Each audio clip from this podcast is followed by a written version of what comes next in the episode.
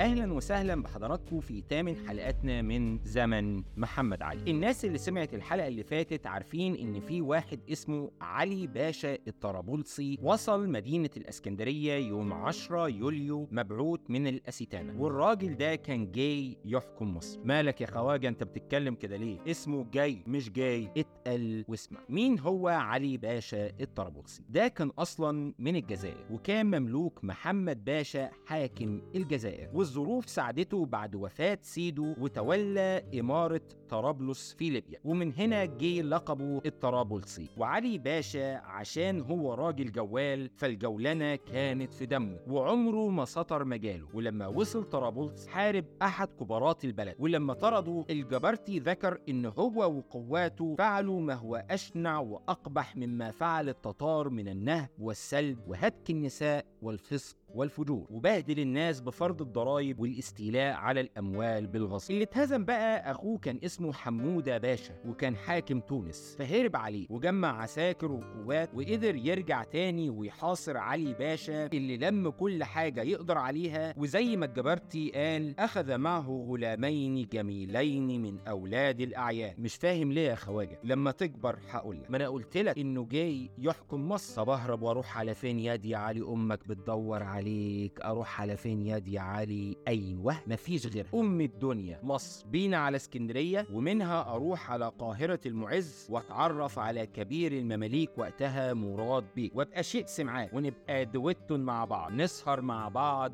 ونروح نصطاد في الصحراء مع بعض. طب ما ارجعش ليه على الاسيتانا اسيتانا دول يبقلشوني يابا. ومش بعيد لو أعدموني بسبب العك اللي أنا عملته هناك في ليبيا. يا سلام. أما العيشة في مصر دي زي الفل. بس أنا نفسي أحج بيت الله. والسنة دي 1793 والواحد مش ضامن. يمكن أسعار الحج السياحي تغلى بعدين ولا حاجة. أنا مش هاخد معايا إلا المصاريف اللي محتاجها وحبايبي الغلامين. عشان يونسوني وأنا عند بيت الله. ياه ده السفر ده مشقة وأخيرا وصلنا الأراضي الحجازية. أوبا يا غلامين شايفين مين اللي هناك دول؟ وفد الحجاج الطرابلسيين من ليبيا. آه أكيد لسه فاكريني وفاكرين الأيام السوداء اللي أنا وريتها لهم. تعالوا نتدارى في الخيمة بتاعتنا قبل ما يشوفونا. تعالى يا غلام كم your daddy يا حبيبي. هو اللي شفناه ده بجد ولا إيه يا رجالة؟ معقولة اللي شفناه داخل الخيمة ده يبقى علي طرابلسي ومعاه الغلامين؟ معقولة جاي يحج بيهم هنا هذا الافاق الماجن الداعر. هذا شيء لا بد من التصدي له. وفورا بينا على أمير الحج نبلغه بأمر هذا المأفون وأرسل معهم أمير الحج جماعة من أتباعه هيا بنا نغير على خيمته على حين ذرة ونرى ماذا يفعل. أيها الحقير النذر أتأتي الفاحشة وأنت بملابس الإحرام. تبا لك خذوا منه الغلامين واضربوه بالنعال. واحلقوا لحيته هذا الشيطان